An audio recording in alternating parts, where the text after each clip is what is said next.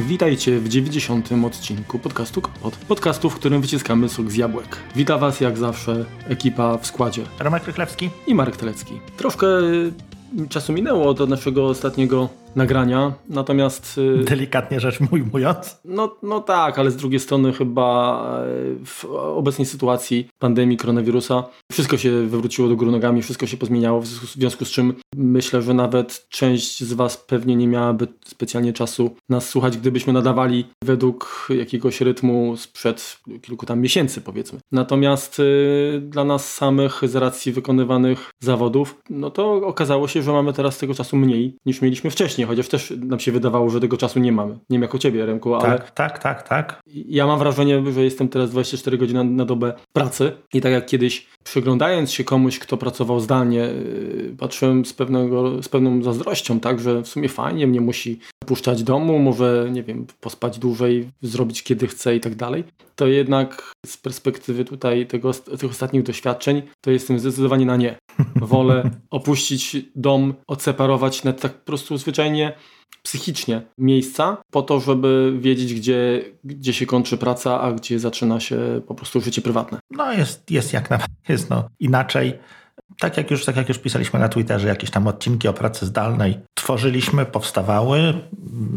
Możecie, możecie do nich wrócić, jeżeli, jeżeli byście chcieli. To dobra, to, to jakby tyle. A wracając do tematu dzisiejszego odcinka, to zgodnie z obietnicą i z takim sneak peekiem, który Remku opublikowałeś też na Twitterze jakiś czas mhm. temu, wracamy do tematu NASów, czyli Network Attached Storages, czyli pamięci masowych które, dzięki którym mamy możliwość dostępu do powiedzmy naszych danych e, z dowolnego miejsca, gdziekolwiek, gdzie mamy dostęp do, do internetu, do sieci. Powiem szczerze, że Remek jest tutaj e, z, z, naszej dwójki osobą, która temat ma w paluszku, która zgłębiła i która będzie się wykazywać. Ja stanę tutaj w roli Was, drodzy słuchacze, czyli po prostu Remka przepytam. Przyznam szczerze, że przygotowałem się od strony pytań, natomiast e, moje doświadczenie jest dużo uboższe. Zresztą ostatni czas poświęciłem na przygotowanie uaktualnienia książki o Heizelu, ale to jest jakby tam inna, in, inna kwestia. Jeżeli chodzi o nas, Remku, powiedz, bo jakiś czas temu, który to był odcinek, pamiętasz? Pierwszy.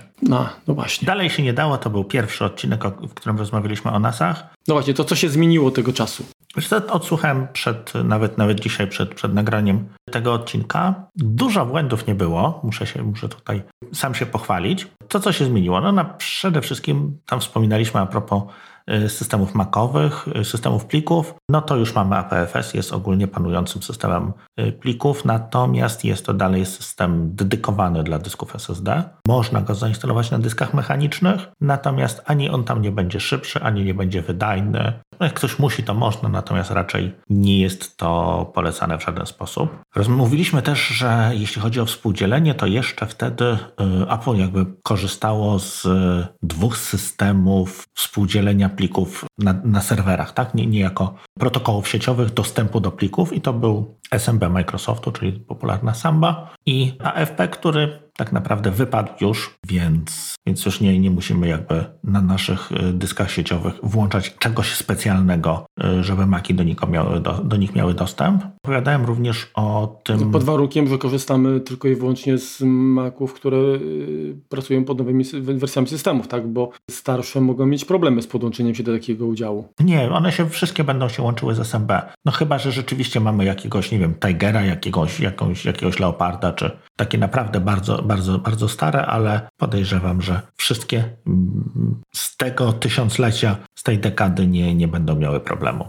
Bo Samba też się. ma ileś tam y, wersji, tak? Teraz chyba trójka jest, tak? Tak. Natomiast ona jest zgodna w dół, więc to tutaj nie będzie, nie będzie większego problemu. Znaczy, no jedynka powiedzmy nie jest już wspierana, jest deprecated, ale to już tam nie, nie, nie, nie wchodźmy w szczegóły. Mówiliśmy wtedy również o tym, że nie bardzo się opłaca wkładanie dysków SSD do serwerów. To ze względu opłacalności nie zmieniło się, dalej jest to, jest to dużo droższe, natomiast aktualnie i same dyski, jak i serwery NAS umożliwiają budowanie cache'u z tych dysków. Więc siłą rzeczy pojawiły się dedykowane dla serwerów NASowych dyski SSD, one mają większą wytrzymałość na, na zapisy, na odczyty. Po prostu w, w lepszych, lepszych, znaczy inaczej, w trudniejszych warunkach bardziej obciążone mogą dłużej pracować, więc na przykład jest seria RED w Western Digitala, dysków SSD dedykowanych właśnie do, do rozwiązań nasowych. Ale mówisz tutaj o dyskach, które normalnie zastępują y, zwykłe dyski, czy o, o, dyskach, które są jakby dodatkową taką pamięć właśnie y, takim cache'em,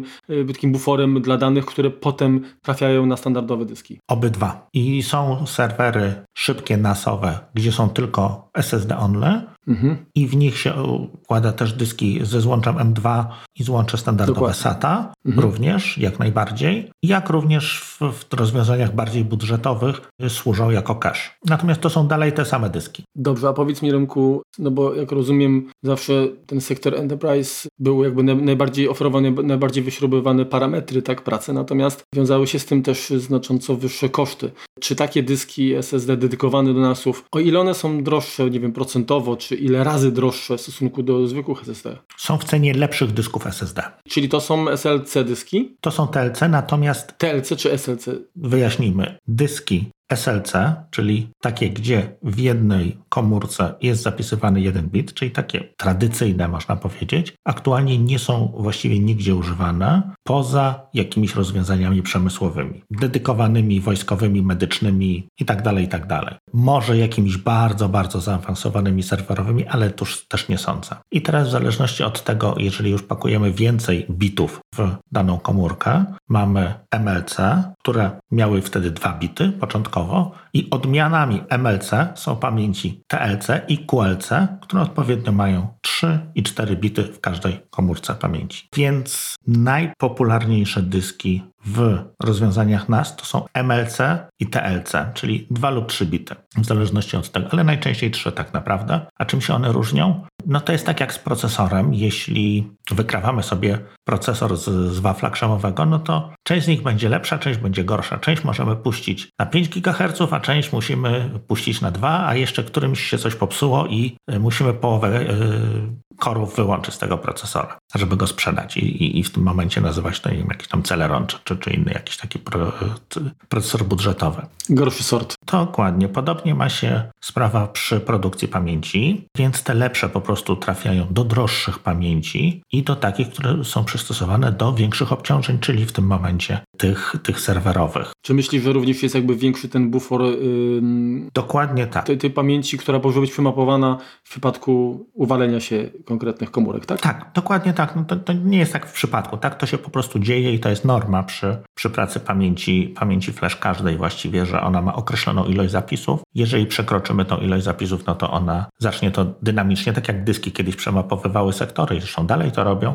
Tak pamięci y, flash przemapują, przemapowują sobie te sektory i, i, i tak jak mówisz, no jest ich po prostu więcej i, i one są przystosowane do dłuższego czasu pracy. Y, to, co się jeszcze pojawiło, to Western Digital kiedyś tradycyjnie miał tam różne kolorki dysków. To co, to, co, to, co nas interesowało, to były czerwone, czyli product, czyli red, nie product, tylko red. I, i, I te wyższe to były złote. Teraz się to troszeczkę zmieniło. Tam chyba złote się teraz nie nazywają złote, tylko Enterprise. Natomiast pojawiło się Red Pro. WD Red Pro to jest taki troszkę lepszy dysk dedykowany powiększy, powiedzmy do większych nasów. On jest po prostu szybszy, ma troszeczkę więcej cache'u, trochę jest y, dłuższy czas jego pracy i oczywiście jest troszkę droższy. I to właściwie tyle, co, co, co, co powiedzieliśmy źle. Jeszcze jedną rzecz, jedno, jedną rzecz. Ja tam wymieniłem tak by jednym, jednym ciurkiem, powiedzmy na jednym wdechu różne rozwiązania nasów zrób to sam i powiedziałem, że to taki jest mech i to w ogóle, to bez wsparcia i tak dalej.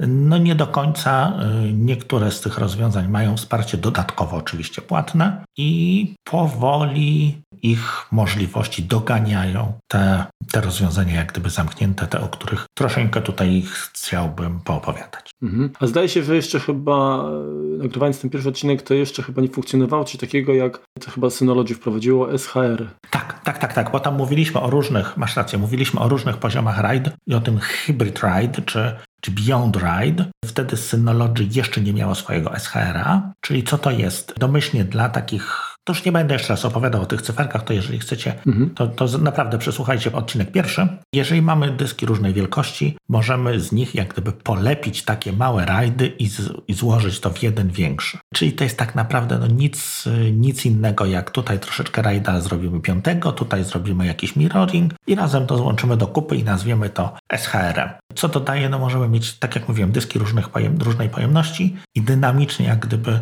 dodawać pojemność w miarę potrzeby i na tyle, na ile będzie to możliwe, to będzie ta przestrzeń wykorzystana. Oczywiście nie zawsze, tak? No jeżeli mamy, nie wiem, trzy dyski jednoterabajtowe, tak? W rajzie piątym, czyli w tym momencie mamy dwa terabajty przestrzeni. Jeżeli sobie stwierdzimy, no to teraz zainwestujemy, mamy jedną, jedną wolną przestrzeń, kupimy dysk 10-terabajtowy, no to nam się zrobi raptem 3 terabajty. Nic, więc nic jakby nie, nie zaoszczędzimy, bo, bo nie będzie jak gdyby miejsca, żeby, żeby to zrobić bezpiecznie. Tak jak, tak jak mówiliśmy w, poziomie, w poziomach RAID z, z jakimś tam zabezpieczeniem z nadmiarowością. Czyli generalnie jest tak, że jeżeli mamy kilka dysków, to standardowe konfiguracje RAID powodują, że nie można jakby wykorzy- inaczej wykorzystujemy jakby z dysku przestrzeń, jeżeli mamy trzy dyski i jeden, dwa będą miały pojemność 1 terabajt, a jeden pół terabajta, to tak naprawdę wykorzystujemy z tych 1 terabajtowych też pół terabajta. Dokładnie tak. To SHR po prostu pozwala jakby pokleić, natomiast to, to dalej jakbyśmy sobie to rozpisali gdzieś na kartce, to wyjdzie, że to składamy po prostu z, z jakichś tam rajdów piątych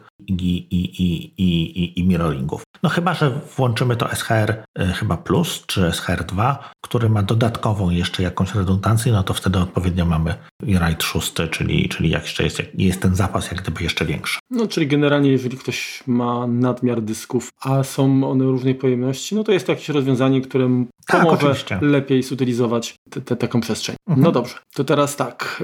No bo większość z nas pewnie zastanawia się, czy warto jest y, inwestować w NASA tak na własne potrzeby. No okej, okay, dobra, mamy firmę, no to jest powiedzmy to troszeczkę inna bajka, bo generalnie ten backup danych nawet teraz wręcz prawnie, w zależności od tego, co, jak, jak, jakie wykonuje się y, działania, może, może być y, wręcz wymagany, jeżeli obracamy jakimiś tam danymi mm, wrażliwymi też, mhm. ale, ale jakby patrząc z innej perspektywy, no, jeżeli prowadzimy jakąś działalność, własną firmę, to y, inwestycje przede wszystkim są troszeczkę inaczej finalizowane, tak? Natomiast jeżeli chcemy kupić NASA do domu na, na prywatne potrzeby, no to generalnie jest to troszkę jakiś taki, zawsze człowiek się zastanawia, czy, czy, czy, czy jest to uzasadniony zakup. I teraz pytanie, jakie funkcjonalności w ogóle nas oferuje, no bo większość osób na propozycję zainwestuj w NASA powie, no dobrze, ale ja mam tutaj Google Drive'a, mam OneDrive'a, mam Dropboxa, tak? Mam dysk USB. Dokładnie, mam dysk USB. No to jaka jest korzyść, jaka jest przewaga rozwiązań nasowych, które no, dla każdego laika, tak jak powie, że ma zainwestować w duże, czy duże, no, w zależności od tego oczywiście, na jakie moldy się zdecydujemy, ale na pudło, które wymaga dodatkowego zasilania, które często, jeżeli, jeżeli bazuje na dyskach nie SSD, jest też głośne, uh-huh. które jest drogie, bo trzeba kupić pudło, trzeba kupić pamięci, nośniki, tak, trzeba to jeszcze odpowiednio skonfigurować, Zajmuje to też y, miejsce no, tych jakby elementów właściwie przeciw jest całkiem sporo. Tak, tak, tak, tak, tak. No, jest to przede wszystkim troszkę taki koszt świętego spokoju. To jest tak jak ja sobie to tłumaczę, że ja akurat dość danych dość dużo trzymam y, na, na swoich jakichś dyskach, na swoich, swoich tam serwerach czy nasach i to, że mam je u siebie daje mi, daje mi spokój, tak, daje mi bezpieczeństwo. Bardzo ważne jest też to, że tak jak mówiłeś Marku, kupując NASA czy de decydując się na to, że, że będziemy sami się tym zajmować, no to mamy jednorazowy dość spory koszt, no bo to pudełko kosztuje jakieś tam no w tysiącu się nie zamkniemy bez, bez dwóch zdań, no chyba, że mamy naprawdę bardzo niewielkie potrzeby i, i jesteśmy gotowi, żeby zrobić to jak gdyby samemu, tak? No można takiego tyciego zrobić na jakimś Raspberry Pi ze starego dysku czy starego PC, o czym też powiemy, natomiast jeśli decydujemy się już na jakieś centralne urządzenie, które będzie trzymało nasze pliki, no to, no to ja bym chciał, żeby ono, ono przynajmniej działało, tak? No, żeby było w miarę nowe i, i z jakimś może wsparciem, żeby jak się coś popsuje, żebym nie został z przysłowiową ręką w nocniku, z jakimś zabezpieczeniem, tak? Czyli nie na dwóch dyskach, tylko właśnie jakiś, jakaś tam wielokrotność i tak dalej, i tak dalej, więc jakaś redundancja, jakieś zasilanie awaryjne i tak dalej, no, no to, to, to niestety robi się. No. no. dobrze, ale wiesz, no też mogą być takie sytuacje, wyjeżdżasz, y, chcesz mieć dostęp do plików i teraz się okazuje, że w całym bloku, powiedzmy, czytanie w domu padło zasilanie. Mhm. Gdybyś miał to na jakimś, w jakiejś chmurze, to prawdopodobnie ten problem by ciebie nie, nie, nie tak, tak interesował. Tak, tak, tak, tak. No chmura jest na pewno, dopóki wierzymy, tak, że, że ktoś się potrafi zająć naszymi danymi i jest to dostarczyciel tej chmury, jest zaufany, to wszystko ok. Natomiast no, też znamy z naszej polskiej, powiedzmy, historii firmy hostingowe, które okazało się, że mają problem z własnymi backupami. Tak? To jest powierzamy ten problem komuś innemu. W 99 przypadkach będzie on lepiej wyedukowany niż my, no bo to jest jakby jego podstawowy zakres umiejętności, a my jesteśmy mniej lub bardziej nowicjuszami w tym, w tej dziedzinie, natomiast też jest to, wiąże się to z jakimś tam zaufaniem, więc... To, to wiesz to poczekaj, jeszcze, jeszcze dodam jeszcze dwie rzeczy, które y, potencjalnie widzę mm, jako przeciw, a później oczywiście będziesz, dam Ci prawo głosu i ustosunkujesz się do wszystkiego.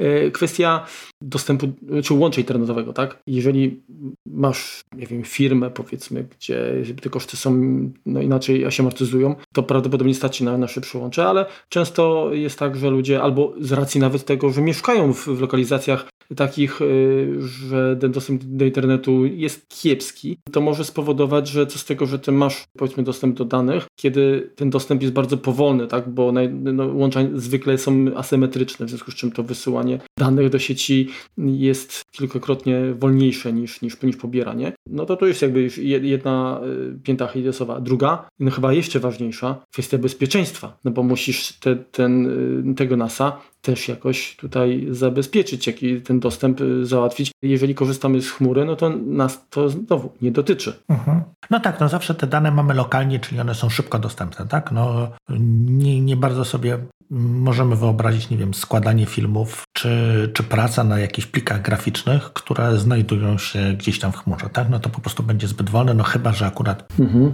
jakiś gigabit Ethernet łącze jakieś super z kosmosu symetryczne, to wtedy, wtedy może tak. Natomiast i tak, i tak zawsze coś, co stoi obok wpięte do naszego, do, do naszego switcha, czy, czy, czy w drugim pokoju będzie, będzie szybciej działało. No tak, pod warunkiem, że masz połączenie też kablowe i szybkie, bo po Wi-Fi pewnie już też yy, praca na materiale wideo jakimś yy, może być dość problematyczna. Okej, okay, wiem, że, wiem, że piszesz czarne scenariusze i, i cały czas tutaj cię wytrącam, ale yy, chcę jakby może troszeczkę pokazać, że pomimo tych pięt achillesowych, tych, tych elementów, które mogą zniechęcać do zakupu, ty pokażesz tak mocne strony, które jednak naszych, naszych słuchaczy przekonają do tego, że warto zainwestować. No mocną stroną może być kwestia finansowa w dłuższym okresie, ponieważ jeżeli mamy tych danych więcej, to trzymanie ich w chmurze wiąże się z tym, że będziemy musieli płacić ten abonament od ilości danych no co miesiąc, tak? Nie będzie to powiedzmy duża kwota, natomiast będzie to stała i, i, i raczej niezmienna, to po, po jakimś tam czasie może się i, i, i jak najbardziej yy, wyjdzie bardziej opłacalne trzymanie tego u siebie i, i zapłacenie raz i, i, i posiadanie świętego spokoju. Jasne, musimy sami zachować zapewnić jakąś dodatkową kopię tych danych. Natomiast to jest i tak, i tak, no w chmurze też nikt nam nie daje stuprocentowej pewności, że te dane, które mamy, nie wiem, na Google Drive, Dropboxie czy ktokolwiek, gdziekolwiek innym, to, to będą nienaruszone, tak? No może Google raczej nie zbankrutuje, Dropbox raczej też z dnia na dzień nie zniknie z, z rynku, Natomiast może ktoś się do tych rzeczy włamać i je skasować, więc to, że trzeba zrobić kopię danych, tych, które mamy na nasie, tak samo jak i na tych, które mamy w chmurze, więc tutaj to nie jest jakby argumentem za tym, że, że nas jest gorszy. No tak, ale jednak tak, takie firmy jak Google czy Apple mają pewnie serwery mm, replikowane pewnie kilku, kilkukrotnie, więc nawet jeżeli, tak jak mówisz, ktoś tam włamie się i skasuje, to chyba to nie jest tak obsiłk, żeby, żeby one były, te, te dane, że tak powiem, usunięte Ale to ty je skasowałeś, no? ci się włamał na twoje konto. Nie mają, nie mają obowiązku chronić cię przed twoją, nazwijmy to głupotą. No tak, ale nawet w iCloudzie masz 30 dni chyba okres takiej retencji danych, tak? No tak, chyba, że ktoś złośliwie go wyłączy. Więc wiesz, no to jest y, to, że mamy dane w jednym. Chmura nie jest jednym, nie można traktować tego jako y, remedium na wszystko. To jest dalej jedno miejsce, w którym są dane. Nieważne, że one są tam zduplikowane na pięciu kontynentach i 70 serwerowniach. To jest jedno miejsce. Single point of failure, niestety. Remku, ja się z Tobą zgadzam, bo powiem Ci, że, że generalnie pomimo tych niezaprzeczalnych zalet chmury, ja i tak nadal uważam, że pliki, które mam jakby na miejscu, gdzieś tam na dysku, są jakoś tak nie wiem, czuję, czuję się lepiej posiadając je, tak? I na pewno y, w kwestii zalet NASA, to jeżeli zainwestujemy urządzenie, które będzie oferowało wystarczająco dużą pojemność, to odpadnie problem, który mnie najbardziej chyba mi przeszkadza, jeżeli mówimy o dyskach, o pamięciach typu właśnie dyski zewnętrzne i tak dalej. Ja mam już tyle tych nośników, że ja nie wiem, gdzie, gdzie co mam. O, zgadza się.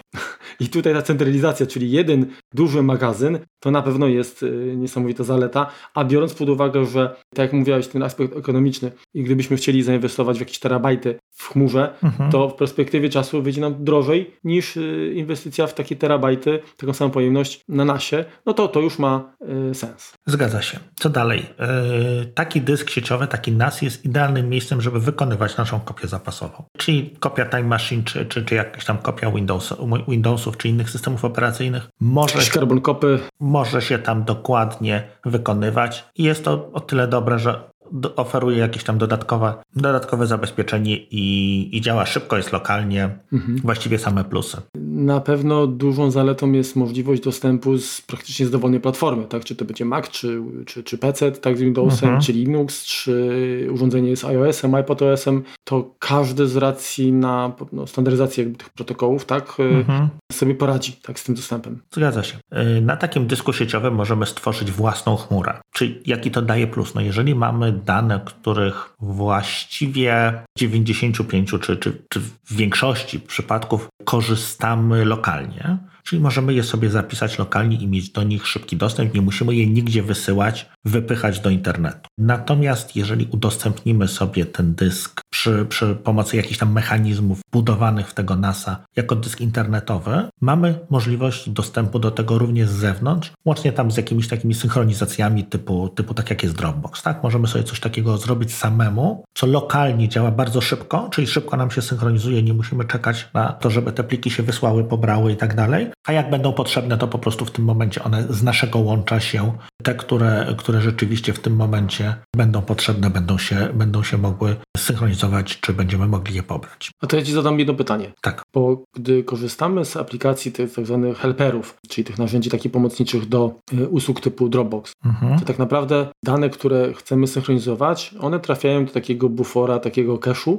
tak. które się synchronizuje z właściwym, z właściwą przestrzenią w, w, mhm. w chmurze, tak w tak. internecie. Czy tworząc taką chmurę lokalnie na nasie, tak. czy ten cache da się wyłączyć tak, żeby no powiedzmy nie powielać, tak? Ja chciałbym mieć tak. w chmurze, ale tylko i wyłącznie, żeby po prostu nie, nie zabierało to miejsca już mi na lokalnym dysku. I tak i nie, zależy od rozwiązania, z którego się na które się zdecydujemy. Zawsze w najgorszym wypadku możesz zalogować się przez przeglądarkę do, tej, do tego swojego serwera NAS i ten plik pobrać. Mhm. Tak, bo generalnie chodzi mi o to, że ta, ten, ten bufor, on powinien, że tak powiem, się czyścić po wysyceniu, czyli jeżeli my synchronizujemy wszystkie pliki, to on powinien być wyczyszczony i już nie zabierać miejsca. Ale generalnie jest zwykle tak, że dla wygody użytkownika, dla bezpieczeństwa, te kopie wybranych przynajmniej folderów, tak, y, one y, istnieją lokalnie, no po to, żeby użytkownik nawet nie mając dostępu do, do internetu miał do plików no, dostęp. Znaczy wiesz co, tutaj najbliżej Dropboxa jest Synology,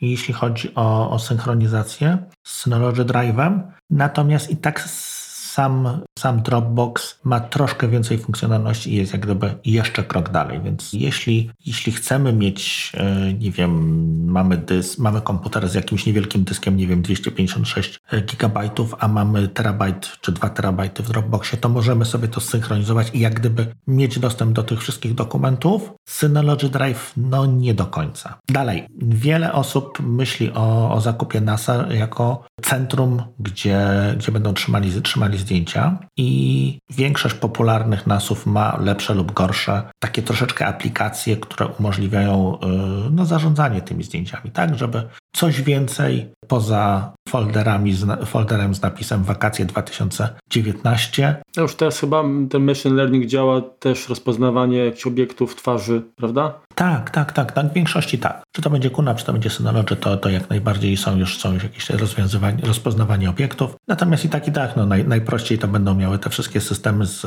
ze zdjęciami z wakacji 2020. Bo tego nie będzie. Serwer DLNA, czyli jakieś udostępnianie filmów, udostępnianie multimediów. Najlepszym przykładem tutaj jest Plex, który jest jakby złotym standardem według mnie, jeśli chodzi o takie, takie lokalne y, rozwiązania, gdzie po prostu mamy kolekcję własnych filmów, własnych seriali, oczywiście pozyskanych z legalnych źródeł. A powiedz mi, to jest tylko do filmów, czy do muzyki również? Do muzyki również, do muzyki, zdjęć, filmów, seriali. Okej, okay. a jeżeli chodzi o audio, czy oferuje wsparcie dla dla muzyki w wyższej jakości niż, niż płyta CD? Plex tak. Czyli tam 24 bity, 96 i więcej kHz, tak, y, takie pliki nieskompresowane są wspierane, tak? I to tylko teraz pytanie, no, czy one są odtworzone, ale czy w momencie streamingu z takiego y, serwera DLNA, czy y, aplikacje klienckie są w stanie taką pełną jakością y, transmisję odebrać? Czy ona nie jest jakoś tam obniżona? To znaczy tak, Plex potrafi obsługiwać Vorbis, FLAC, DTS HD, True HD, DTS, Dolby Digital, AC3, AAC i MP3. Ale jakichś tam danych parametrów bitrate i tak dalej, tam niczego takiego, czy, czy, czy... Nie, bo to zależy jak gdyby od y, już, czy to jest storage, tak? Więc on, on obsługuje, mhm. to jest storage, on, on obsługuje ten, ten plik, a czy dany player wyrobi to odebrać i, i odtworzyć, to już jest inna, inna inszość. Okej, okay. nie no jasne, rozumiem. No czyli przyjmujmy, że prawdopodobnie tak, natomiast y, odnośnie tego, czy, czy te pliki high-res są, y, da się odtworzyć w pełnej jakości, no to pewnie już tutaj trzeba byłoby przyjrzeć się klientom, a nie, nie tyle serwerowi Plex. Czy co... Dokładnie, to co implementacji, żeby, żeby to ten. Mhm. Przyznam się szczerze, że Plexa nie, nie używam do audio. Chyba miał jeszcze jakiś serwer, nie, nie miał serwera iTunesa, to było co innego. Dobrze. Kolejny, jeżeli mamy jakiś domek, czy jakąś większą rezydencję, nazwijmy to, to ciekawym może być również rozwiązanie obsługa kamer sieciowych. Czyli możemy sobie postawić jakieś powiedzmy niedrogie kamery, które, które nie mają jakiegoś tam super wsparcia sprzętowego do trzymania, wysyłania tych, tych, tych nagrań gdzieś tam dalej, tak? Czy płacić komuś za, za obsługę tego, tylko możemy po prostu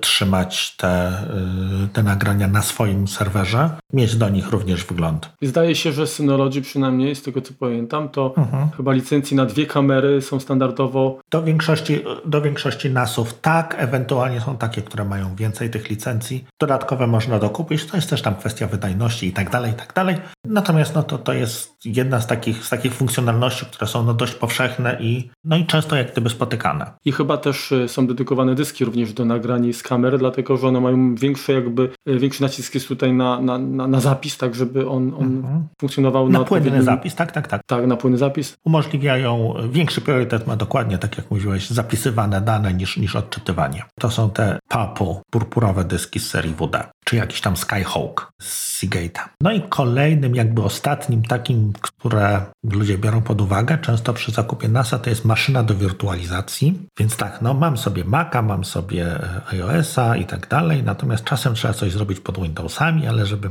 nie lubię tych Windowsów, trochę się brzydzę tych komputerów, to ja sobie postawię maszynę wirtualną i tam sobie uruchomię Windowsy i na tych Windowsach uruchomię, nie wiem, płatnika. Takie jest popularne przekonanie, czy jakiś tam program, który jest potrzebny, który działa tylko pod Windowsem. W teorii tak, w praktyce nie bardzo. Dlaczego? Zazwyczaj konsumenckie, czy nawet po prostu tańsze serwery NAS mają po prostu wolne procesory. I to, że można tam postawić maszynę wirtualną, nie znaczy, że my po prostu nie, powinniśmy tak robić. O, jeżeli mamy rzeczywiście jakieś proste usługi, chcemy sobie na tej maszynie wirtualnej postawić jakiegoś małego Linuxa, który będzie coś nam, jakąś automatykę domową robił, to tak, super fantastycznie będzie Torenty działało. na przykład. Słucham? Torenty. Nie, chyba do tego nie potrzeba wirtualizacji. Do tego, do tego są aplikacje. Download Station na przykład. Mhm. Do tego są dedykowane aplikacje Download Station na przykład Synology. Natomiast, no tak jak, jak jakiś tam, nie wiem, Pi-hole do DNS-u albo cokolwiek, jeśli byśmy chcieli sobie potestować, tak, żeby mieć jakieś tam środowisko testowe, żeby nie psuć serwerów, znaczy nie psuć naszych komputerów, żeby nie, nie, nie robić sobie bałaganu, to gdzieś na tym nasie z boku możemy sobie postawić taki mały, małego Linuxa, małego Windowsa i sprawdzić coś tam. No tak, do środowiska testowego, do zabawy tak, natomiast jakakolwiek praca z GUI, czyli z interfejsem graficznym, będzie bolesna. I tutaj nie przeskoczymy, to jest jakiś tam atom, który może mieć cztery rdzenie, natomiast on jest wolny jak nieszczęście. W podstawowej wersji te serwery Wymaga mają... też pamięci, tak? To trzeba Dokładnie, nie mają zbyt, wie, zbyt dużej ilości pamięci, więc to się, to się nakłada. No i rzeczywiście, jeżeli mamy jakąś prostą aplikacyjkę, która, która gdzieś tam musi chodzić, to tak, natomiast yy, raczej nie kupujmy NASA do wirtualizacji. Tym bardziej, że prawdopodobnie uruchomiona maszyna wirtualna tam spowoduje, że cały system, czyli generalnie jakby serwer plików dostanie, krótko mówiąc, kule, kuli u nogi, tak? Akurat nie, ponieważ szczęśliwie czy nieszczęśliwie aplikacje te dodatkowe mają niższy priorytet, więc one mhm. podstawowej funkcjonalności nam nie, nie zabiją. Spowolnią, tak, natomiast to nie będzie tak, że... No nie, nie, no, ale, ale, ale tak czy inaczej wpływ będą, mia będą miały. Nie będzie to duży wpływ, tak? To, to, to nie jest tak, mhm. że... A dobrze, a powiedz mi, no bo rozumiem, że tutaj jakby wirtualizacja Windowsa, no to jest pewnie najbardziej jakby chyba byłaby pożądana, ale też jest najbardziej wymagająca, tak, jeżeli chodzi mhm. o, o zasoby takiego urządzenia. A czy są rozwiązania typu jakiś e, e, Emulation Station, które pozwalają e, jakieś 8-bitowce na przykład e, emulować, bo być może tutaj w tym celu to mogłoby to się sprawdzić. Wiesz co, nie, nie ma nic takiego, no bo pamiętaj, że, że musisz się z tą maszyną wirtualną połączyć przez jakiegoś klienta typu VNC. Mhm. Nie będziesz miał... No tak, czyli graficznie mówisz, no tam faktycznie... To, to... nie będzie płynne. Hmm. No szkoda. Więc tutaj sobie nie pogiercujemy. A na przykład rozwiązania typu jakieś, nie wiem, folding at home, czy coś, coś, są jakieś klienty, czy kopaczki e, bitcoinów i tak dalej e, funkcjonują też na, na takie urządzenia? Jako oficjalne pakiety nie, jako dodatkowe podejrzewam, że tak. Mhm. No tak z ciekawości, no, bo jednak jest jakaś tam moc obliczeniowa, która być może gdzieś tam się też marnuje, mhm. no to może, może to byłoby rozwiązaniem dobrym. Okej, okay, no to czyli generalnie y, mamy przegląd y, za i przeciw odnośnie nasów. A co, co dostajemy tak, po zakupie? To znaczy tak, no przede wszystkim możemy zdecydować się na dwa rozwiązania, albo kupić coś gotowego w pudełku. I podejrzewam, że większość y, z nas, jako użytkownicy Maców, wybiorą właśnie to coś gotowego, bo cenimy sobie wygodę, tak? Zawsze to lepiej powiedzieć, że nie dlatego, że jesteśmy leniwi. Nie, my nie jesteśmy leniwi, my cenimy wygodę. O. Doceniamy producentów. Zgadza się. Więc tak jak w tym pierwszym odcinku mówiłem o, o różnych producentach dysków sieciowych czy NASów, to tak naprawdę jest dwóch. Można kupować jakieś inne brandy, natomiast moim zdaniem ani to szybkie, ani to bezpieczne. Miałem kilka takich, przewinęło się przez, przez moje palce, bo przewinął się jakiś dysk WD, który okazał się jedną wielką dziurą bezpieczeństwa. Miałem Seagate'a, który był wolny jak nieszczęście. Przestał być wspierany po pół roku. No, po roku, przepraszam. Miałem iOmega, która była tak niesamowicie wolna, że to się płakać chciało, która nawet jeszcze jest wspierana o dziwo, bo nawet ją ostatnio odkurzyłem, ale po prostu jej wydajność jest, no tam się przy terabajtowych dyskach jakiś ten, pierwsza synchronizacja rajdu piątego trwała 12 godzin. Po prostu nie, to jest tak wolne, że, mhm. że znaczy, ja myślę, szybciej stukają. Że trzeba jakby uczulić tutaj naszych słuchaczy, że chociaż nazwa NAS, czyli Network Attached Storage wskazywałaby na to, że dowolny dysk z interfejsem sieciowym y, do tej mhm. kategorii pasuje, to jednak tutaj skupiamy się na rozwiązaniach, które no przede wszystkim są bardziej efektywne i pozwalają na zwiększenie bezpieczeństwa, tak? Czyli jeżeli mówimy o dysku, który, urządzeniu, które zawiera w środku jeden dysk talerzowy i tylko po prostu można wpiąć kablem Ethernet tak do sieci, mhm. to nie jest to NAS, bo on nie oferuje tego, co, czego oczekujemy. Znaczy, no jest NAS, tak? No, no. Okej, okay, ale, ale nie mamy tutaj ani redundancji danych, tak, ani wydajności takiej, która by faktycznie uzasadniała wykorzystanie tego do rozwiązań troszeczkę bardziej zaawansowanych. No trochę tak, natomiast no to wszystko zależy od, od, od, specyfiki naszej pracy. Tak? Jeżeli postawimy sobie dwa takie pudełka i na nich będziemy trzymali to samo, no to mamy redundancję. Tak? I... No tylko, że teraz już pewnie się zbliżamy kosztem do... do... Tak, no, dokładnie. Właśnie. Natomiast no to trzeba, trzeba się jak gdyby zastanowić, co jest nam potrzebne i do tego też, też, też, też za chwilkę dojdziemy. Ja mam doświadczenia, y, jeżeli chodzi o tego takie tanie rozwiązania, to mam doświadczenia na przykład z WD Cloud. Mhm. Też nie polecam. Uważam, że to są bardzo skopane i, i nieefektywne rozwiązania. I dziurawe. Tak. W dodatku. Też miałem WD Clouda, tak, tak, tak, tak, tak. To jest, to jest straszne. Więc tak, jeżeli decydujemy się na, na to, żeby kupić coś, to wybieramy Synology albo QNAP. Y, tak ci przerwę. Swego czasu yy, zwolennicy jednej i drugiej firmy, no bo oczywiście nadal są jakby dwa obozy, które mhm. konkurują ze sobą, twierdzili, albo inaczej, użytkownicy twierdzili, że Synology jest lepsze pod względem sprzętowym, a Kuna pod względem programowym. Dokładnie Nie odwrotnie. Wiem, czy, czy, dokładnie. A dokładnie odwrotnie. No to tak. może źle pamiętałem. Okej. Okay. Czy to potwierdzasz? Tak. Że, tak, że tak jest? Tak, tak, tak, tak, tak. To znaczy posiadam jeden i drugi. Trochę testowo, trochę hobbystycznie, trochę, trochę z racji, nie wiem, szajby.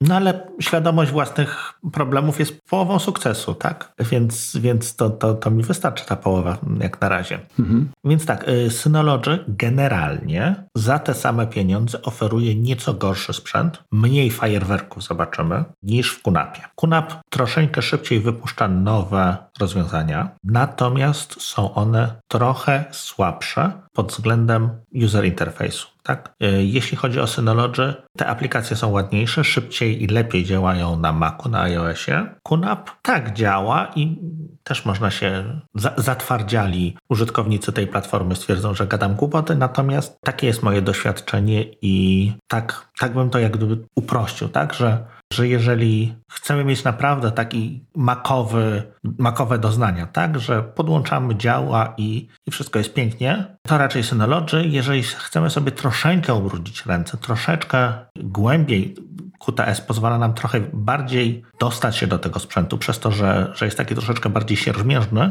no to tu już możemy sobie, jak się bardzo postaramy, to możemy sobie coś popsuć. W Synology, no, no pewnie jest to możliwe, natomiast to już trzeba, trzeba się naprawdę wiedzieć, że się chce popsuć. Tak, mhm. tak bym, tak bym to, to określił. Mm, Synology było troszeczkę z tyłu, jeśli chodzi o ten y, SHR, czy ten Beyond Write, czyli te takie rozwiązania, gdzie możemy łączyć dyski różnej pojemności. Czy w Kunapie to jest tak samo się nazywa? W Kunapie się to inaczej nazywa, ale jak się teraz to nazywa, to zabij mnie, nie pamiętam. Oszczędzę. Kunap ma na przykład fajną opcję czegoś, co, co Synology chyba nie ma. To ma opcję taką, że możesz data tiering, czyli możesz mieć dyski SSD, dyski jakieś szybkie, rotujące i dyski wolne rotujące. I w zależności od tego, jak często do danych danych, do danych danych sięgasz, to on będzie na tym zasobie jak gdyby się znajdował. Czyli to jest taki inteligentny cache, który w zależności od wykorzystania danych będzie je przenosił pomiędzy dyskami. Mhm. Czegoś takiego Synology o ile dobrze kojarzę, nie, nie posiada. A czy to chodzi również o, o częstotliwość dostępu, w sensie, że na przykład nie, większość, wiele, wielu użytkowników korzysta z tego samego zasobu też, tak? W sensie z tym systemem Tak, tak, tak, tak, tak, tak. Na przykład, no masz zdjęcia, tak? I będziesz miał zdjęcia sprzed 10 lat, to on, ty je wrzucasz w jedno miejsce. Natomiast jeżeli przeglądasz zdjęcia, wszyscy z twojej rodziny przeglądają zdjęcia, nie wiem, z ostatniego miesiąca i z, nie wiem... To one będą na szybszym dysku Dokładnie. Mhm. I automatycznie to się wszystko automatycznie bez twojej wiedzy dzieje, jak stracą, straci zainteresowanie i zaczną oglądać, nie wiem, z poprzedniej Wigilii zdjęcia, to te zdjęcia po prostu będą Rozumiem. Y, dynam, dynamicznie całkiem. Całkiem fajne. Tak. Mm, szybciej w Skunapie y, znajdziemy szybsze interfejsy sieciowe, więcej dysków i dyski M2, czyli, czyli tak jak mówię, hardware'owo troszkę więcej za podobne pieniądze. Okej, okay, a właśnie teraz, skoro jesteśmy tutaj przy, przy tych detalach takich technicznych, mhm. to jakie z Twojej strony są y, tutaj dobre praktyki, czy sugestie, czy warto inwestować w urządzenia, które mają więcej niż na przykład jeden port gigabit Ethernet? I jeżeli tak, to dlaczego? Czy one działają w, działają w trunku, czy one działają jako tak, redundancyjnie? Tak, tak, tak. Znaczy tutaj odpowiem, warto inwestować w urządzenia, które posiadają port 10 gigabitowy, mhm. ale to yy, jakby zboczenie moje zawodowe. Tak, te, które mają jeden, może od początku, jak działa trunk. Jeśli mamy jeden, dwa, cztery porty, to można zdefiniować tak, że one chodzą jak gdyby, budujemy wirtualną kartę sieciową z tych czterech, czterech portów, Czyli tak byśmy mieli jeden port 4, 4 gigabitowy na przykład wtedy. Ale to musi być jeszcze mhm. obsługiwane przez twój switch, czyli musisz mieć switch no, zarządzalny i ważna sprawa, no jeżeli po jednej stronie masz cztery razy większą pojemność, no to po drugiej, tak? Czyli twój komputer, żeby do tego sięgnąć, też musi mieć odpowiednio większą pojemność. Wszystkie switche, które pomiędzy podłączymy, też będą musiały, no będzie, prędkość będzie taka jak najwęższe gardło. Tak? To, co nam daje tak naprawdę taki trunking, to jest A, zwiększenie troszkę bezpieczeństwa, bo jak nam szczur w piwnicy przegryzie jeden kabel, to jeszcze na drugim będzie działało i zwiększenie prędkości przy wielodostępie. Tak? Jeżeli mamy więcej niż jednego użytkownika mhm. i mamy jakiś zasób sieciowy, który jest często wykorzystywany w tym samym czasie, to w tym momencie trunk da nam to, że te użytkownicy będą sobie mniej przeszkadzać. Tak, jeden drugiemu nie będzie mógł całkowicie zapchać e, pasma. Czy ten trunk jest wymagany również do tego, żeby realizować load balancing, czyli takie zrównoważenie yy, obciążenia, czy, czy nie? Bo jak rozumiem, jeżeli, jeżeli mamy więcej niż jeden Aha. port i podłączymy normalnie, a na przykład switch nie obsługuje trunka, to, to port drugi, że tak powiem, się przyłączy, jeżeli pierwszy padnie, tak? To jest failover. Mhm. To musi być wspierane она Chyba też na poziomie switcha, bo MAC adres będzie miał inny i adres IP będzie miał inny mhm. automatycznie. Bo generalnie więc... tych, tych jakby elementów, które mogą, przynoszą korzyści użytkownikowi, mhm. jest, jest kilka. Właśnie jest, jest failover, jest load balancing i jest y, trunk, czyli jakby zwiększenie przepustowości. Mhm. I teraz y, pytanie, mm, czy każdy z tych elementów, żeby osiągnąć, wymaga y, inwestycji nie tylko w NASA, który oferuje więcej złączy takich sieciowych, czy, czy da się wykorzystać to na infrastrukturze takiej standardowej, powiedzmy, jak posiadamy w domu? Failover na pewno się da, najwyżej to będzie sytuacja. Znaczy, każde z tych rozwiązań poza trunkiem powoduje to, że nas rozłączy na chwilę. Tak? Jeżeli mamy aktywną sesję, mhm. to nam się ta sesja zerwie. Jeżeli, bo do trunka musi być obsłu- yy, wsparcie ze, ze strony switcha, bo tam jest kwestia innego obsługi, innej obsługi MAC adresów. To tak. Okay. Więc nie wiem, czy odpowiedziałem, chyba odpowiedziałem. Czyli generalnie warto, ale trzeba się przygotować na to, że pełne wykorzystanie możliwości na, y, będzie wymagało jeszcze zapewnienia innych warunków, powiedzmy takich y, konkretnych, żeby, żeby, żeby, żeby to miało ręce i nogi. Tak, tak, zgadza się. No jeżeli myślimy o y, szybszych interfejsach sieciowych, bo tam się pojawiają dwójki, piątki i dziesiątki z gigabitów, właściwie dwójki już wypadły, to piątki i dziesiątki, no to też musimy zaopatrzyć się w odpowiedniego switcha, który jest w stanie obsłużyć ruch 10 gigabitów. I teraz tak jak, e, tak jak sobie policzymy na paluszkach, no to jeżeli mamy gigabit, to tak naprawdę e, prędkość przesyłu danych to będzie jakieś 120 megabajtów na sekundę. Więc to nie jest za dużo, to nie jest za przesadnie szybko, biorąc pod uwagę prędkości naszych obecnie komputerów, dysków SSD. Więc jeżeli myślimy o już o wyższych prędkościach, no to musimy skłonić się w 10 gigabitów, a to już jest dość duży wydatek, jeśli chodzi o, o samego switcha. Pomijając już kabelkologię i tam światłowody, czy, czy, czy, czy jak to podłączymy,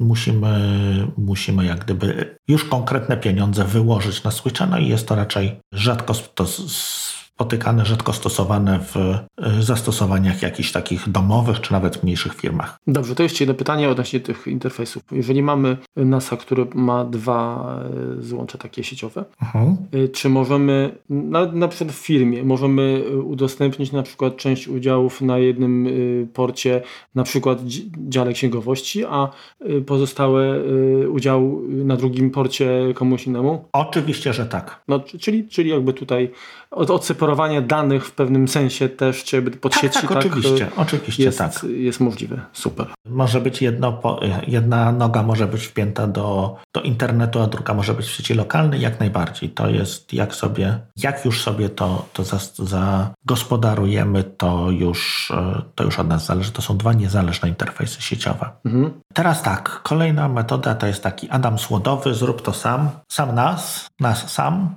I tutaj tak naprawdę są no znowu kilka możliwości, powiedzmy dwie z takich, z takich dużych i, i wartych polecenia. Pierwsza to jest FreeNAS. Jest to o tyle ciekawy system, że on działa podobnie jak Maki pod BSD. Czyli to nie jest Linux, tylko to jest akurat PCBSD dystrybucja taka, więc jest to troszeczkę stabilniejsze, to się trochę wolniej rozwija niż Linuxy. To nie jest, nie jest tak jak, jak przy Linuxie, że właściwie co dwa dni wychodzi, wychodzą jakieś nowe pakiety. To jest stabilniejsze, to jest bardziej takie dedykowane dla biznesu. Do tego możemy sobie postawić ZFS. Domyślnie jest tam ten file system, który miał kiedyś trafić, trafić do Maców, czyli RAID Z inaczej nazywany. Co to daje? Daje to dodatkowe zabezpieczenie przed tym, że dane, czy, czy przy zapisie, czy przy odczycie, czy przy transmisji, będą jakieś przekłamania. są dodatkowe sumy kontrolne do danych, które są zapisane na dysku, żeby upewnić się co do ich integralności, co do ich niezmienialności. Czyli John Syracusa, jeżeli gdzieś trzyma jakieś dane, to będzie to podejrzewam ZFS. Mhm. Oczywiście Z2, Z3, czyli dodatkowa redundancja jest również zachowywana. ZFS charakteryzuje się tym, że ma dość duże wymagania w stosunku do pamięci RAM, więc FreeNAS działa tylko i wyłącznie na procesorach Intela AMD, tak, czyli x86, x64. Na żadnych ARMach tego nie postawimy, na Raspberry Pi to nie będzie działało. I tak jak mówiłem, jest stosunkowo rozbudowany o pluginy, łącznie z Plex Media Serverem, jakimiś, jakimiś serwerami torrentów czy, czy, czy innych rozwiązań, natomiast crash planem, on cloudem, natomiast on jest bardziej dedykowany dla biznesu z racji tego, że no musimy mieć troszeczkę większą maszynę, żeby to postawić. No 8, 8 GB RAMów to jest bodajże minimum dla niego, to, więc to jest więcej niż, e, więcej potrzebuje zasobów niż takie Synology czy QNAP, natomiast oferuje większą, większe bezpieczeństwo. Jest tam podobno lepsze wsparcie dla iSCSI, czyli takich e, pamięci dla, e, upraszczając, pamięci dla serwerów wirtualnych. Fajne rozwiązanie, jeszcze nie takie, że to jest zrób to sam, czyli samemu instalujemy pakiety, zarządzane z, z, dość przyjemnego interfejsu, natomiast tak jak mówiłem na początku, bardziej skierowane dla biznesu. Masz jakieś pytania do niego może, Marku? Nie, wiesz, ja nie mam, nie mam żadnego doświadczenia z y, freelancem. Być może to jest jakby, jakby kwestia, no, nie, no, słucham co, jakby co mówisz. Mhm raczej, raczej będę ciekaw alternatywy, tak? czyli czegoś, mhm. co ma mniejsze wymagania, mniej również oferuje, także kontynuuj. Dobrze, więc dalej mamy Open Media Vault, z tych, z tych oczywiście, które ja wybrałem, tak? no bo tego, tego jest troszeczkę więcej. I to jest akurat takie, takie małe, słodkie i przyjemne. I chodzi na na armię i można to na Raspberry Pi nawet postawić. No, działa to na Debianie, bazuje na Debianie. Natomiast tak, żeby Wam przedstawić, powiedzmy, dla mnie wadę tego systemu. To teraz, tak jak nagrywamy, jest informacja, że 30 marca 2020 pojawiła się nowa wersja Open Media Vault, wersja 5. Hip hip hura, hip hip hura. To było 30 marca. 6 kwietnia pojawiła się informacja, że z, dni, z końcem czerwca stara wersja, czyli czwarta, przestaje być wspierana. Hmm. To, to, to, nie, to, nie pójdzie w biznesie. To niewielu osobom w domu się będzie chciało. Tak często uaktualniać. A powiedz mi, jak kwestia bezpieczeństwa, bo generalnie rozwiązania open source'owe, jedni twierdzą, że właśnie ta otwartość powoduje, że są bezpieczniejsze, tak, bo można szybciej reagować, łatać, ale mimo wszystko wydaje mi się, że jeżeli coś jest typowo, nie, nie stoi za tym jakiś duży gracz, to tak chyba nie do końca y, jest też taka presja, żeby, żeby przykładać się do tego. No wiesz, no mi się kiedyś na Kunapa ktoś włamał, bo przez tydzień akurat traf chciał, że byłem na urlopie, nie zaktualizowałem. No. nie chciałem zdalnie aktualizować, no i, no i była podatność jakaś i mi się ktoś tam kitwasił, no więc to wszystko bardzo, bardzo zależy. Nie stawiałbym tam raczej danych, nie trzymałbym tam danych mission critical. Czyli bardziej pewnie byś to traktował jako taki element, dobra, wystawiamy tu własna prywatna chmura, ale i tak i tak gdzieś tam dane jeszcze y, trzymam na Ale to na pewno, to dla każdego serwera, dla, mhm. każdego, dla każdego tego NASu, NASA mamy dane jeszcze gdzieś indziej. W 100%, w 125 przypadkach procentów zawsze mamy gdzie indziej dane. Open Media Vault, jeżeli chcemy się pobawić, jeżeli chcemy potestować, jeżeli chcemy niewielkim kosztem na Raspberry Pi, Raspberry Pi jest akurat bardzo niewdzięczne, ponieważ nie ma interfejsu SATA. Wszystkie dyski musimy tam podpiąć przed USB 3.0, czyli potrzebuje dodatkowych kontrolerów. Bałagan się robi z kablami, bo trzeba po prostu dodatkowe obudowy z dodatkowym zasilaniem podpinać, żeby to chodziło. Natomiast można. Wydajnościowo nie będzie wielkiej tragedii, podkreślam słowo wielkiej. Mhm. Jeśli chcielibyśmy coś szybciej, to jest dwa takie fajne Odroida y, ustrojstwa, które są właściwie dedykowane do Open Media Volta Odroid HC2 i HC1 różnią się wielkością dysku, który można do niego włożyć. W sensie jedynka ma 2,5 calowy, dwójka 3,5 calowy, natomiast to jest też jeden dysk. Mam jedynkę, stoi sobie, jakby testowo. Co o tym można powiedzieć? To nie jest super szybkie, aczkolwiek ma gigabit, tak? Pod tym względem to, mhm. to, to tak jak można to do, do Pi 4 porównać, natomiast bardziej do zabawy, bardziej do przetestowania nie bardzo bym to może być, jeżeli nie jesteśmy rzeczywiście zdecydowani na NASA, to możemy coś takiego zrobić, e, postawić. Możemy takiego Open Media Volta e, postawić na jakiejś maszynie wirtualnej, żeby sobie go sprawdzić. Możemy go postawić na jakimś starym PC, tak? No, teraz za naprawdę śmieszne pieniądze można kupić jakiegoś polizingowego PC-ta, desktopowego jakiegoś Della HPK czy coś takiego, nawet już z jakimś dwu czy czterorodzeniowych procesorem i na tym coś takiego postawić. No, tylko pamiętajmy, to będzie troszeczkę więcej żarło prądu. Na, na Macu też jakimś, nie wiem, starym mini na przykład? Pewnie pójdzie, bo to jest Linux, więc jak Linux, Debiana, jak, jeżeli, tak, jeżeli Was interesuje, to jakiś taki tutorial możemy opowiedzieć, jak to zainstalować na, na jakimś tam sprzęcie, mniej lub bardziej zgodnym.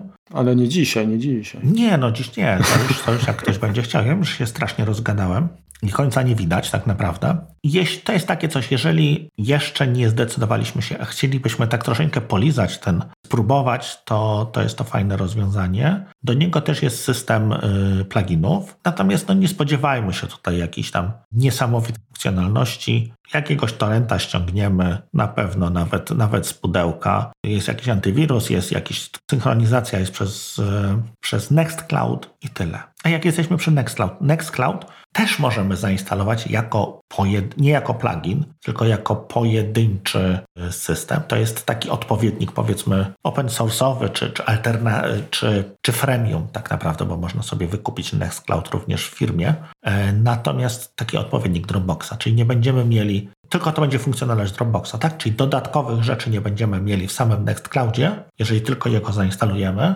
Y, natomiast już jeżeli zainstalujemy go przez jakiś Open Media Vault czy, y, czy jakiś inny podobny, podobny system, to on tam będzie po prostu dodatkową funkcjonalnością odpowiedzialną właśnie za ten, nazwijmy to klon Dropboxa. Mhm. Mamy też jeszcze ostatnią pozakonkursową właściwie możliwość. To jest e, taka troszeczkę szara strefa, właściwie bardziej czarna, czarna strona mocy. To są są zwolennicy macOSa, natomiast y, są również wśród nich osoby, które nie kochają hardware'u Apple, a w szczególności ich cen. Mhm. Y, czyli coś, co się nazywa Hackintoshem, y, tak, tak popularnie rzecz ujmując, czyli kupujemy jakiegoś PC-ta, który mniej lub bardziej będzie przypominał jakiegoś Maca i nie do końca legalnie instalujemy coś, co będzie udawało, że jest to Mac. I w tym momencie aktualna czy jakaś poprzednia wersja macOSa po prostu na tym komputerze się uruchomi. Coś takiego istnieje również w świecie NASów. Ja tutaj celowo ani nie, nie podaję linków, ani nie podaję nazwy. Jak Was bardzo to interesuje, to znajdźcie.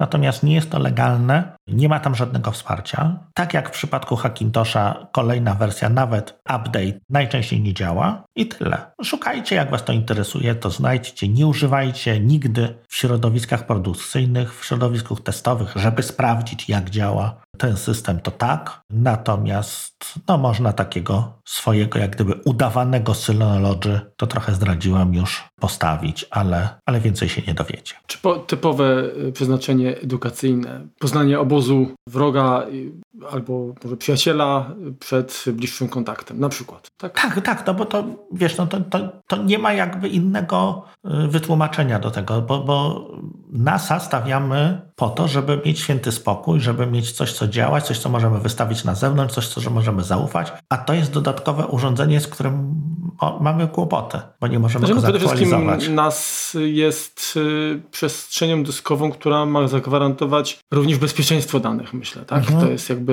priorytet. Dokładnie. A. Natomiast tak jak, tak, jak już, tak jak już mówiłem, można. Spróbowałem, działa. Po to, żeby się wypowiedzieć, to, to, to, to też jakby trzeba sprawdzić to. Natomiast jak najbardziej no nie lepiej kupić naprawdę no, za coś się płaci tej firmie I, i to jest właśnie wsparcie, to jest to, że oni to rozwijają, to że, to, że jak coś się z tym stanie, to można do nich zadzwonić, można do nich napisać. Tutaj jesteśmy po prostu zostawieni zupełnie, zupełnie samemu, plus to tak jak Apple, no nie oszukujmy się, podejrzewam, że Synology z tym walczy, no bo w jakimś tam podejrzewam minimalnym procencie no, powoduje to, że potencjalnie mniej sprzedają urządzeń, tak? No, to jest tak jak, jak w życiu, tak? Generalnie e, najbardziej sensowne i mające rację bytu są związki z pełnym, z pełnym zaufania partnerem mhm. stałym, a nie jakąś, jakaś, jakieś przygody, tak?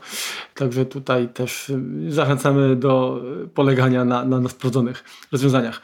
Wiesz co, tak y, słuchałem Cię i jak wspomniałeś o tych pakietach, pluginach i tak dalej, to przypomniało mi się, że tak naprawdę chyba nie wspomniałeś i cieszę się, że mogę ja teraz zabłysnąć, o dwóch y, funkcjonalnościach NASA, które dla niektórych mogą być y, właściwie killer features, tak? Czyli jedna sprawa to jest klient y, DNS, mhm. a druga serwer VPN. Zgadza się. Także wydaje mi się, że to jest dużo ważniejsze nawet niż taki serwer DLNA, tak? W niektórych sytuacjach. No tak, tak, tak. Tylko no też musimy jak gdyby stawiając sobie VPN-a na nasie, musimy też odpowiednio skonfigurować nasz router, żeby wypuścił go, czy wypuścił ten ruch do, y, przez, przez, przez NASA właśnie. Ale tak, jak najbardziej jest to możliwe, spotykane i, i wykorzystywane. No dobrze. To powiedz teraz tak podsumowując właściwie, yy, bo pomimo tego, że za, załóżmy tak, że jeżeli odrzucimy tutaj y, rozwiązania typu y, add-on tak, mhm. DIY, no to mamy Synology, mamy Kunapa. No ale teraz jest mnóstwo modeli. Oczywiście głosujemy zawsze portfelem. Gdzieś trzeba określić kryteria, Y, I teraz pytanie, na co tak naprawdę powinniśmy y, przy wyborze modelu konkretnego zwracać uwagę, co według Ciebie jest ważniejsze, nie wiem, może w konkretnych scenariuszach albo generalnie, przeglądając jakby ofertę producentów, uh-huh. co uważasz, że każdy y, potencjalny klient powinien na co, na co powinien zwrócić uwagę? To na początku będzie tak globalnie, a później opowiem o konkretnych, konkretnych metodach, żeby z tego zalewu produktów, bo, bo zarówno Kunop, jak i Synology mają tych, tych produktów kilkanaście, kilkadziesiąt bardziej, żeby po prostu wybrać coś dla siebie, tak? Żeby, żeby w tym zalewie nie, nie utonąć i, i, wybrać, i wybrać w miarę dobrze.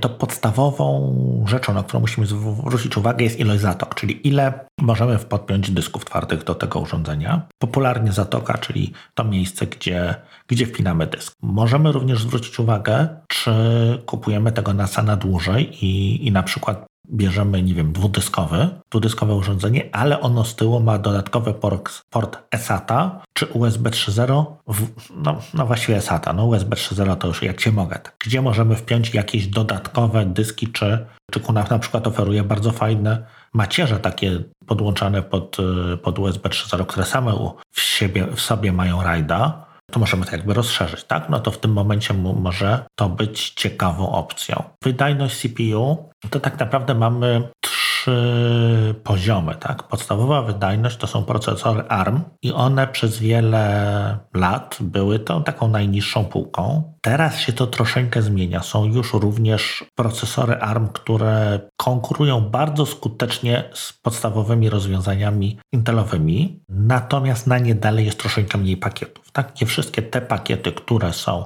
skompilowane, te pluginy, które są skompilowane pod Intela, będą działały na ARM. Do tego dochodzi jeszcze kwestia, i to jest tak najbardziej, najbardziej widoczne, to jest ich wsparcie do sprzętowego, do sprzętowej rekompresji wideo, czyli jeżeli mamy Plexa, czy jeżeli mamy jakieś inne rozwiązania wbudowane do serwowania nam filmów, to czy one w locie będą miały na tyle dużo mocy, żeby ten film, który, który mamy, zrekompresować i na przykład wysłać go nam na komórkę. To, co, na co warto jeszcze spojrzeć, jest ilość pamięci RAM i ilość, e, maksymalna ilość pamięci RAM. Jeżeli myślimy o jakiejkolwiek maszynie wirtualnej, no to tutaj zasada gadki RAM na maksa. No, no tak, no, no można przesadzić. No ja akurat przesadziłem, ale... A ile u Ciebie można zainstalować? 32. Mhm. I to jest za dużo. No tak, i to jest za dużo. To, to, to tego nie, nie korzystam. Teraz no, no to tak. 8 jest pewnie minimum absolutnym tak. Tak, ale 16 byłoby już jak mhm. najbardziej, jak najbardziej do, do przeżycia. Też SSD. Czy to bardzo zależy od tego, jakie pliki będziemy trzymali. Jeżeli będziemy trzymali multum małych plików, do, którym, do których chcemy mieć bardzo szybki dostęp, no to fajnie jakby ten cache SSD był możliwy do zainstalowania i nie zabierał nam dodatkowej zatoki, może był na złączu M2. Jeśli natomiast mamy do czynienia z dużymi plikami, które są, nie wiem, plikami wideo głównie, no to ten cache SSD nam pomoże natomiast no, przy indeksowaniu bardziej niż przy, niż przy pracy. Więc tutaj, tutaj możemy w coś takiego się nie w coś takiego nie inwestować pieniędzy. Tutaj kolejność jest troszkę przypadkowa, bo, bo na te wszystkie parametry trzeba zwrócić uwagę. Natomiast na końcu wpisałem sobie w, w swojej ściągawce ilość i pre, przepustowość złączy lanowskich i możliwość ewentualnie dodatkowych kart rozszerzeń QNAP częściej, Synology rzadziej umożliwiają włożenie do do środka tego NASA zwykłej karty, zwykłej jak zwykłej, no karty PCI Express i skorzystania z dodatkowych portów. Natomiast na, zazwyczaj musi to być karta błogosławiona przez producenta, ponieważ musi system zawierać do niej sterowniki i napisane i przetestowane i sprawdzone. Natomiast no, no jest to jakaś tam dodatkowa opcja rozszerzeń. Co do prędkości interfejsu, to też bardzo zależy od tego, co chcemy trzymać, jak szybko chcemy tam zapisywać dane, ile danych chcemy magazynować. Prędkości wszystkie dookoła transferu danych nam rosną. Jeszcze nie wiem, jak startowaliśmy z nagrywaniem kompotu, to posiadanie łącza, nie wiem, 100 megabitów bo było to dużo, tak? No teraz standardem się zaczęły, zaczęły robić łącza typu 600 megabitów, czy, czy nie wiem, komórki zaczynają oferować wyższe przepustowości niż 100, więc na pewno nie setka. Czy gigabit Wam wystarczy? No tak, jeżeli, jeżeli sieć macie 1 gigabit, tak. Natomiast jeżeli myślicie przyszłościowo, że to ma być sprzęt na, na naprawdę ładnych kilka lat, no to wchodzi Wi-Fi kolejne, które będzie obsługiwało prędkość 5, 5 gigabitów, to tutaj oczywiście no, potrzebny jest sprzęt i po, po, po stronie serwera, czy po stronie mm, switcha i infrastruktury sieciowej jako taki, który to obsłuży, natomiast może warto zainwestować w jakąś dziesiątkę czy możliwość upgrade'u do 10? No, na pewno jak ktoś y, inwestuje w nowego Maca Mini, to inwestycja w 10 gigabitów jest stosunkowo e, niewielkim wydatkiem. Tak, no bo to jest tam 4, tu jest 400 zł, no przy nasie to będzie, będzie bardziej, bardziej srogo, natomiast no, należy to jak gdyby przemyśleć. Tak? No, budując to co, mamy, to, co mamy prościej, budując e, samemu takie urządzenie, możemy sobie każdy tych komponentów wybrać samemu i złożyć, e, złożyć wedle własnych potrzeb, wedle własnego się. No tutaj wybieramy spośród kilkudziesięciu produktów, natomiast te produkty w znakomitej większości są bardzo sensownie zbudowane. No, można narzekać, że mają trochę za mało pamięci, czy trochę za mało interfejsów sieciowych, natomiast no, one są w jakiś tam sposób przeskalowane, trochę na zasobność naszego portfela, jak również na, na zysk producenta też. Mam pytanie jeszcze, Remku, odnośnie y, tutaj Mhm. Wspominałeś o możliwości rozszerzeń SATA, USB 3.0. Tak. Czy, czy takie NASy mają również, czy oferują możliwość podłączenia do komputera za pomocą właśnie łącza USB bądź SATA e, w sytuacji, kiedy nie mamy, no albo nie wiem, padła nam sieć, albo, albo nie mamy takiej możliwości, albo chcemy na szybko, czy, czy, czy nie? Czy tylko i wyłącznie interfejs sieciowy jest tutaj jakby newralgiczny i wymagany? Interfejs sieciowy jest newralgiczny, natomiast to nie zawsze musi być interfejs sieciowy, to może być port Thunderbolt. Jeżeli jest to QNAP i ten QNAP obsługuje Thunderbolta, to możemy z niego zrobić takiego DASa, czyli podłączyć go jako, jako po prostu no, dysk Di zewnętrzny. Direct no. Attached Storage, tak? Tak, tak, tak. tak. Mhm. Okay. Rozumiem. Y, no dobra.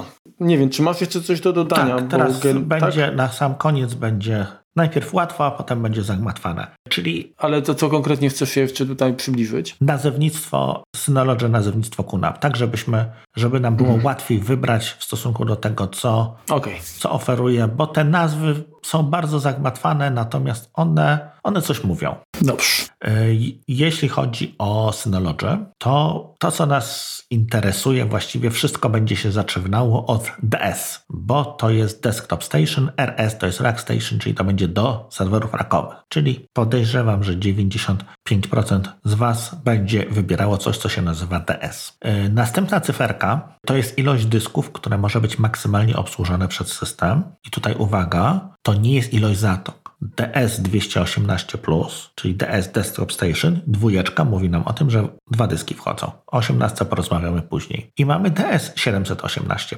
W jeden i w drugi możemy włożyć dwa dyski. Tylko DS718 obsługuje również, ma dodatkowy port eSATA z tyłu, do którego możemy podłączyć jednostkę rozszerzającą o kolejne 5 dysków. Stąd siódemka. To jest maksymalna ilość dysków obsługiwana przez system. Więc jeżeli większe rozwiązania tam będą miały na przykład, nie wiem, 24, to nie znaczy, że tam w tym akurat znajdziemy 24 zatoki, tylko tam będzie obsługa do 24 zatok. Czyli prawdopodobnie znajdziemy 14 dysków wbudowanych plus dwie zatoki po 5 dysków do podłączenia na zewnątrz. Dalej dwie cyfry określają końcówkę roku. Więc 20 to będzie ro tegoroczny, 18 to będzie 2018 rok, 19 2019, 16 2016 i tak dalej, i tak dalej. QNAP Synology średnio co dwa lata oferuje upgrade swoich urządzeń. I teraz na końcu będziemy mieli literkę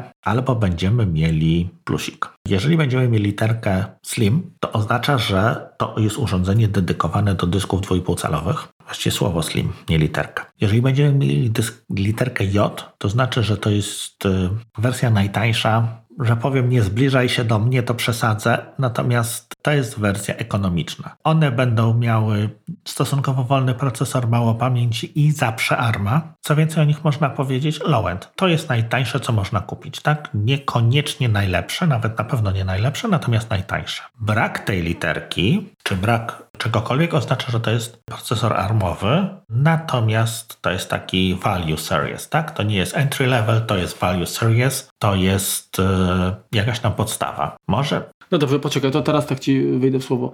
Czyli idąc tym y, takim rozumowania, y, urządzenie typu, nie wiem, DS218J tak. jest takim entry level, bardzo, bardzo sobietkim rozwiązaniem, ale już DS218 już ma, ma rację bytu, już ma sens, tak? Tak. A ale dalej czym jest one armowe. się rzeczywiście, to, ale czym one się będą różniły tak yy, dla mnie jako odbiorcy? Wydajnością. Prędko... Ale procesor jest ten sam. Nie.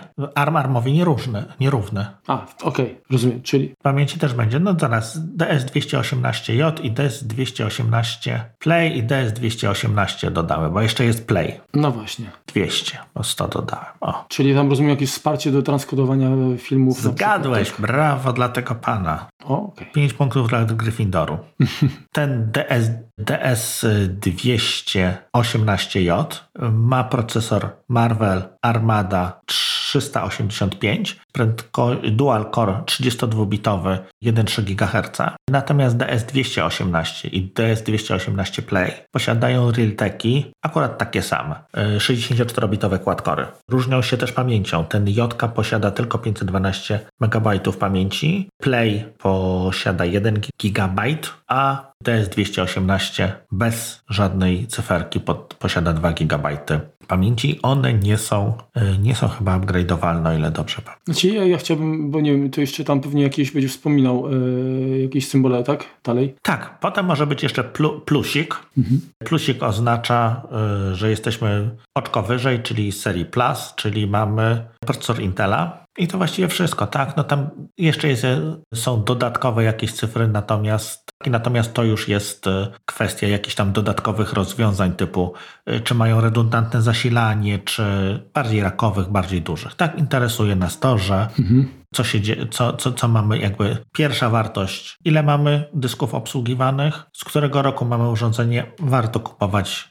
moim zdaniem w miarę bieżące, tak? Czy kupowałbym dzisiaj NASA z 2018 roku? Długo bym się nad nim zastanawiał. Intel aż tak szybko nie wprowadza nowych procesorów, więc może DSA 218 Plus to jeszcze tak, natomiast yy, jakbym miał DSA 218J albo DSA 220J wybrać, no to raczej bym wybrał tegorocznego, tak? Ten 220J. Tutaj, yy, bo tutaj jest większa, większa jak gdyby różnica w prędkości, w możliwościach tego. Mhm. Ja tylko chciałem jeszcze zwrócić uwagę, bo wspominałeś się nazewnictwo, czyli te zatoki, tak? Też trzeba brać pod uwagę, że te rozwiązania tańsze, najczęściej one wymagają rozkręcenia obudowy, żeby zainstalować dyski, natomiast y, te droższe mają rzeczywiście, y, oferują opcję hot czyli mhm. możemy podczas pracy y, wymienić padnięty dysk albo dołożyć kolejny, tak? Znaczy tak, jest on w takiej kieszeni... one są dość łatwo dostępne, natomiast jeżeli one są za klapką, mhm. to znaczy, że już nie możemy ich wyjąć podczas pracy pracy, jeżeli są dostępne tak, że je widać i możemy je wyciągnąć, to jest taka niepisana jak gdyby reguła, że, że one są hotplagowe, czyli możemy je w trakcie pracy wyrwać, włożyć nowy i, i nic nam się stać nie powinno. Teoretycznie. No ale wiadomo, że jeżeli nie trzeba z tego korzystać, to pewnie lepiej, tak, no to jest lepiej tego nie Dokładnie, robić. dokładnie, tak. Mhm. Więc to było łatwe wbrew pozorom. Bo teraz przejdziemy do Kunapa i do Kunapa ja sobie musiałem bardzo dokładną ściągawkę napisać, bo, bo to do łatwych nie należy niestety. Y, ale też w tym szaleństwie jest jakaś logika. Przede wszystkim y, urządzenia Kunapa na początku mają TS albo TVS i w tym momencie V nie oznacza dekodowania wideo, tylko oznacza to, że tam jest port wideo, czyli do niego możemy podpiąć monitor, yy, najczęściej HDMI. Następna cyferka, najczęściej jedna lub dwie, w zależności od długości. Tak, jeżeli to będzie wartość będzie czterocyfrowa, no to dwie, jeżeli trzycyfrowa, to jedna. To jest ilość zatok, ale uwaga, wbudowanych w urządzenie, czyli tyle dysków możemy włożyć bez dokupywania jakichkolwiek rozszerzeń. Następnie, i to są dwójpół, jeżeli mamy trzycalowe, czy dwójpółcalowe, czy miks tego, to będzie to po prostu suma tego. Yy, następnie jest oznaczenie procesora. Trójka oznacza ARMA. I teraz kolejna generacja 31, 31P, 32X, 35AX to będą różne procesory ARM. Im wyższa cyferka, tym nowszy procesor. Natomiast tutaj nie mamy podziału takiego jak w Synology na rok premier, rok z którego model jest, którym został wydany. Tutaj jest to troszeczkę bardziej zagmatwane, ponieważ mamy jakby generację, musimy więcej znaczy lepiej. Jeżeli to jest piąteczka na początku, czyli to jest 51, 51X, czy nie wiem, 50, 50, co tam jest XBE, to będziemy mieli jakiś wolny, no Intel Celeron, tak? Czyli to będzie atomowy procesor na atomie. Jeżeli to będzie 72, to jest Intel Core, czyli to już jest szybki procesor. 77 Ryzen, 77X również Ryzen, 85 Xeon, 88 Xeon. Teraz na końcu znajdują się również jakieś dziwne rozznaczenia i najpopularniejszy z nich to jest T, czyli obsługuje Thunderbolta. X obsługuje 10 gigabit Ethernet lub port SF, SFP+, czyli taki port, który możemy wpiąć sobie moduł GPIC z obsługą wymaganej dla nas sieci i NK, rzadziej już widoczna, to jest 5 GB Ethernet LAN. Są również jakieś dodatkowe tutaj yy, literki, cyferki na końcu, natomiast wybaczcie mi, ale tego już nie wiem. No zawsze najlepiej w sytuacji, kiedy już zdecydujecie się na jakiś konkretny model, a macie wątpliwości, to uderzyć albo do producenta, czy do przedstawiciela, tak, albo gdzieś podszukać na forach. Yy, zresztą chyba nawet konfiguratory są, tak, tak, tak. producentów yy, pozwalają jakby porównać, tak, czyli jeżeli macie jakieś wątpliwości, jeśli wahacie, to może yy, taka informacja gdzieś tam pomocna się znajdzie. Mhm. No dobra, to... No i słuchajcie, no to chyba tyle. Ja się Właśnie, wymęczyłem. Remek się nagadał, ja się napytałem. Też się dużo dowiedziałem. Powiem szczerze, że na pewno bym zupełnie inaczej podchodził do zakupu takiego tego NASA dzisiaj i nadal twierdzę, że może nie, że nie jestem... Inaczej, gdyby mi było stać, prawdopodobnie bym w ogóle się nie zastanawiał, tak? Natomiast y, jak najbardziej rozwiązania z literką J na końcu mnie nie interesują, mhm. więc y, odpuszczę na, na lepsze czasy. Ciekawe, z jakich, ciekawi jesteśmy, z jakich urządzeń wykorzystacie, bo część słuchaczy prawdopodobnie ma i czymś się kierowała y, podczas wyboru. Mhm. Nie sądzę, że były to jakieś y, inwestycje z przypadku, więc liczymy na to, że się podzielicie z nami w dyskusji chociażby na Twitterze. Mhm. Możecie też napisać do nas y, maila. Bardzo chętnie odwołamy się do tego przy jakimś kolejnym nagraniu na przykład. Także nie wiem, Reku, czy chciałbyś coś jeszcze na zakończenie, podsumowanie dodać? Wiesz co, Chciałem powiedzieć, że rozwiązaliśmy konkurs i z poprzedniego A, odcinka, no tak, to, to jest bardzo ważne. Nie szczególnie się jakby tutaj chwaliśmy, bo my się nie lubimy chwalić. Natomiast e, Docha, o którym opowiadaliśmy od ThinkStora, dostał Łukasz. Jest zadowolony, pisał do nas, że, że się cieszy i, i trafił do kogoś, komu się przyda, tak jak chcieliśmy, więc, więc my jesteśmy zadowoleni, jeżeli Łukasz też, to, to wszystko fajnie. Wrócimy jeszcze dalej do, do jakichś tam konkretów, tak? Na przykładzie Synology, na przykładzie Kunapa. W niedalekiej przyszłości, tak? Nie będziecie musieli znowu 90 odcinków czekać.